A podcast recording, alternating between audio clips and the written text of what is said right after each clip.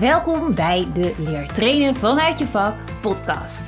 Mijn naam is Jarnie van der Laan en ik inspireer je graag met tips voor het maken en geven van jouw eigen training. Ik vind het namelijk belangrijk dat jij vol passie en vol zelfvertrouwen voor die groep kan staan, maar dat je je deelnemers ook echt wat bijbrengt zodat ze het geleerde ook echt kunnen gaan toepassen. Jij bent goed in je vak en van mij leer je trainen vanuit je vak.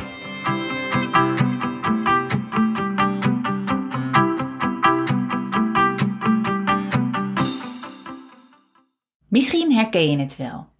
Je hebt als deelnemer een training gevolgd, maar hoeveel pas je nou echt nog toe uit wat je hebt geleerd uit die training? Ik hoop voor jou en ook voor de trainer heel erg veel. Maar heel vaak blijkt dit helaas niet het geval te zijn. En dat is toch wel jammer, want ja, die trainer heeft natuurlijk een dag aan jou besteed.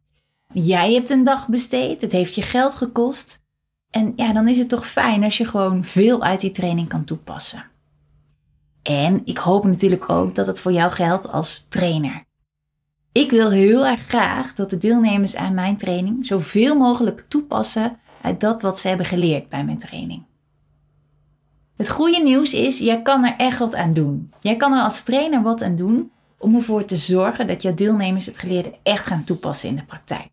In deze podcast geef ik je graag tips Ehm, zodat je deelnemers ja, het geleerde gaan toepassen. Heel erg belangrijk daarin is, is dat je afstemt op de praktijk. En ik doe dat vaak door eerst een intake te hebben bij de opdrachtgever en dan ook zeker bij de deelnemers.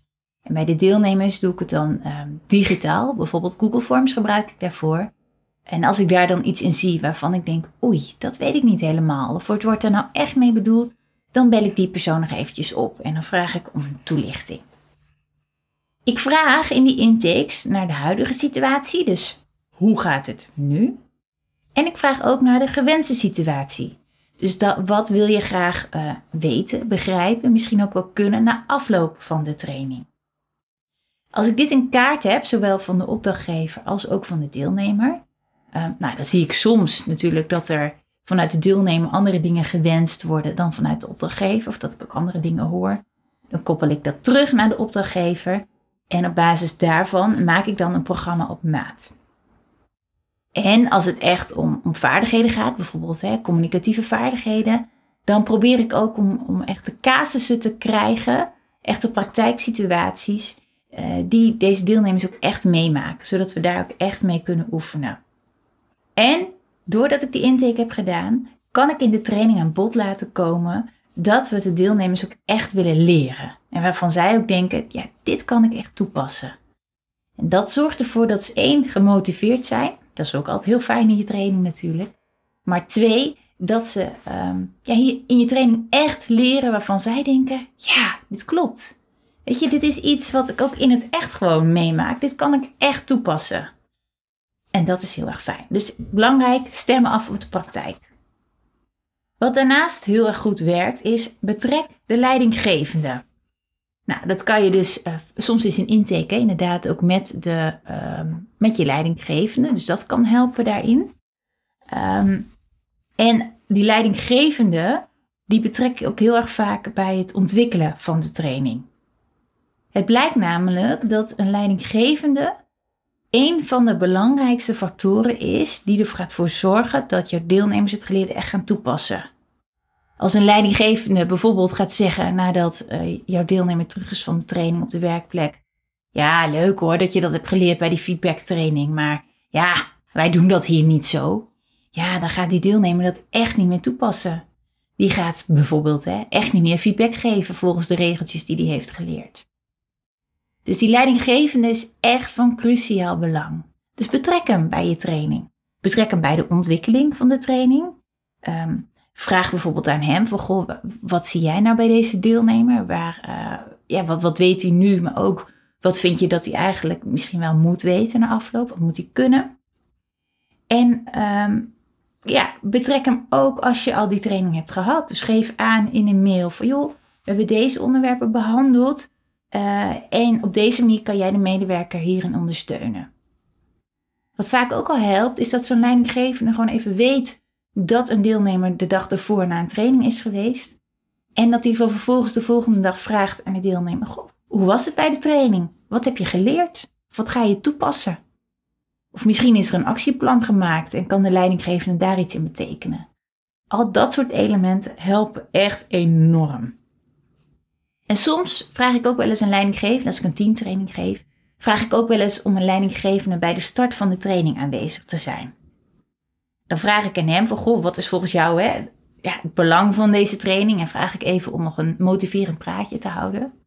Maar daarna um, zwaai met de knipoog ik deze leidinggevende ook wel weer heel graag uit met de deelnemers. En dat geef ik ook echt aan van tevoren. Ik heb wel eens leidinggevenden die zeggen van joh Jannie, ik vind het eigenlijk wel heel leuk als ik gewoon eh, bij de training aanwezig kan zijn. Mijn antwoord is dan bijna altijd, dat snap ik, dat je er graag bij aanwezig wil zijn. Maar ik vind dat geen goed plan. Wat ik namelijk merk is dat als een leidinggevende aanwezig is uh, bij een training, zeker als het echt gaat om, om ja, persoonlijke vaardigheden, dat deelnemers zich lang niet altijd even veilig voelen om uh, alles te zeggen en alles te doen als een leidinggevende erbij zit. Ze hebben dan het idee dat ja, zo'n leidinggevende ja, misschien wel meedoet aan die training, maar dat hij toch met een dubbele bril kijkt. En dat hij toch kijkt van, ja, functioneert deze deelnemer nou eigenlijk wel? Functioneert mijn medewerker eigenlijk wel? En dat hij dat mee gaat nemen in een functioneringsgesprek of een beoordelingsgesprek. Dus ik uh, ja, geef altijd aan, leidinggevende, nee, dat gaan we niet doen. Uh, je mag er bij de start aanwezig zijn, maar daarna uh, niet meer.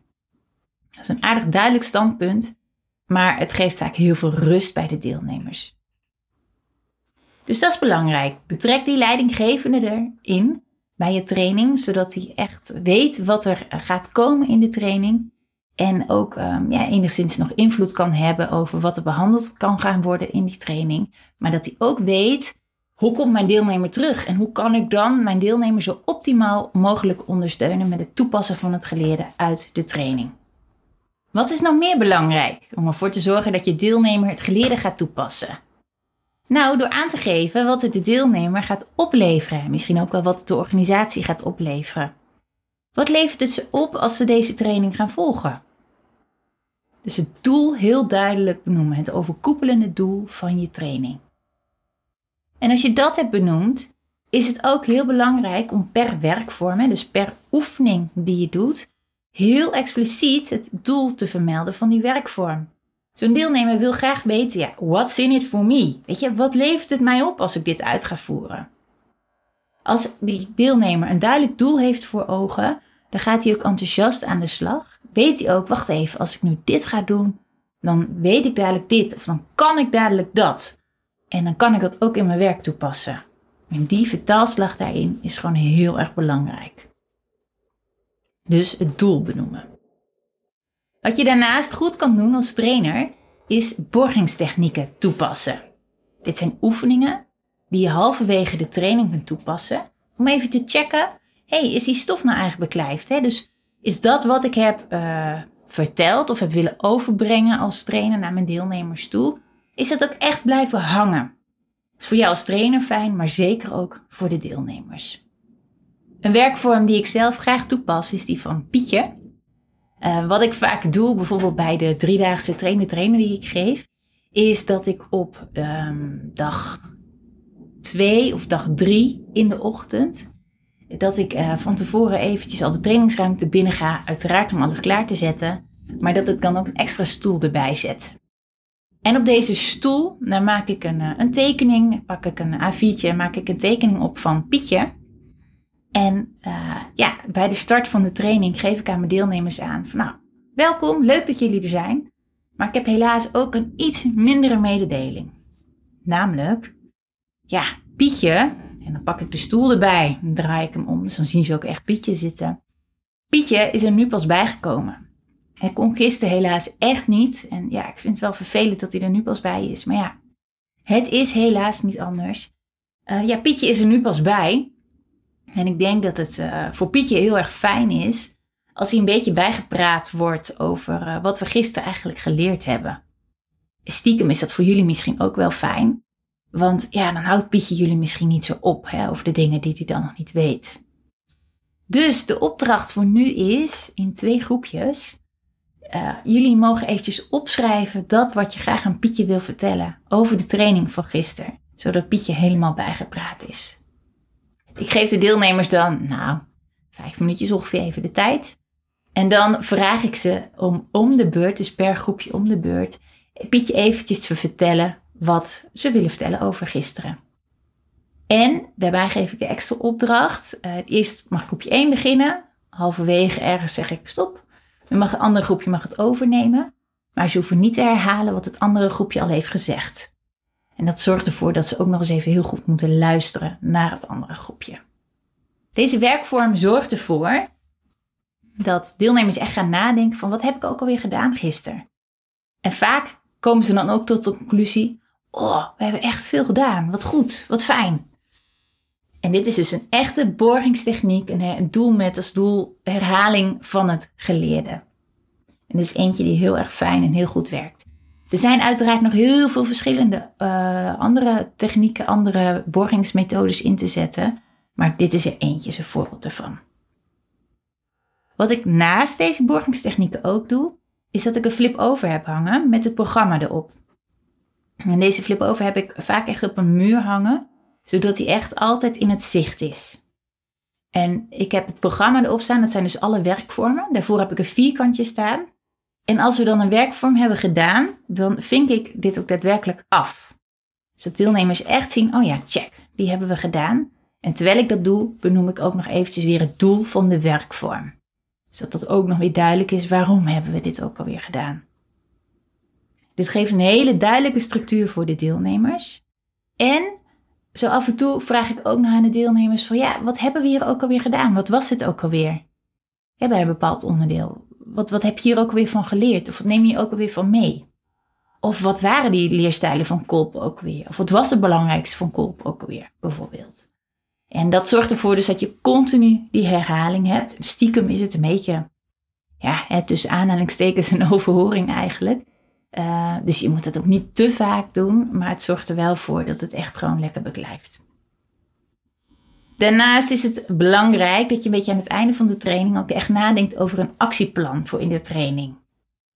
Dus wat heb je geleerd? Um, wat wil je daarvan echt gaan toepassen? Wanneer ga je dat dan toepassen? Hoe ga je dat toepassen? Uh, wat heb je daarbij nodig? Dat je echt dat actieplan zo concreet mogelijk maakt. Aan de hand van bijvoorbeeld een voorbeeld wat je ook aanreikt daarin. En tot slot is follow-up ook heel erg belangrijk.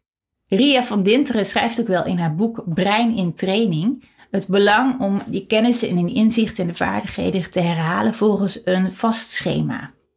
En het vaste schema is 24 uur na afloop van de training, één week na afloop van de training, na vier weken na afloop van de training en na drie maanden na afloop van de training.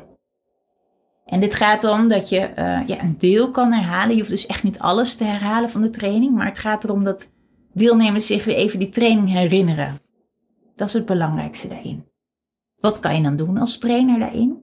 Nou, na 24 uur, dat is vaak wel geregeld. Ik bedoel, iemand vraagt thuis wel van, goh, hoe was je training? Uh, wat heb je geleerd? Of op het werk wordt ernaar gevraagd, dus deze is vaak wel geregeld. Na één week zou je bijvoorbeeld een mail kunnen sturen met nog eh, de handouts die ze ook al hadden gekregen. Of een prikkelende vraag sturen of een aanvullend filmpje. Echt, echt zorg voor dat contact met je deelnemer. Na vier weken zou je bijvoorbeeld uh, een, ja, de opdracht kunnen geven tijdens de training al dat ze buddies moeten vormen. En dat ze even contact moeten hebben met een buddy over de training. Of je koppelt daar nog een expliciete opdracht aan. Dus dat zou je na vier weken kunnen doen. En na drie maanden zou je bijvoorbeeld uh, de brief kunnen opsturen die ze aan zichzelf hebben geschreven over de training of over de ontwikkeling die ze hebben gemaakt tijdens de training. Maar je zou ook bijvoorbeeld nog een terugkomdag al dan niet online kunnen organiseren. Dus ook daarin zijn, zijn nog dingen mogelijk.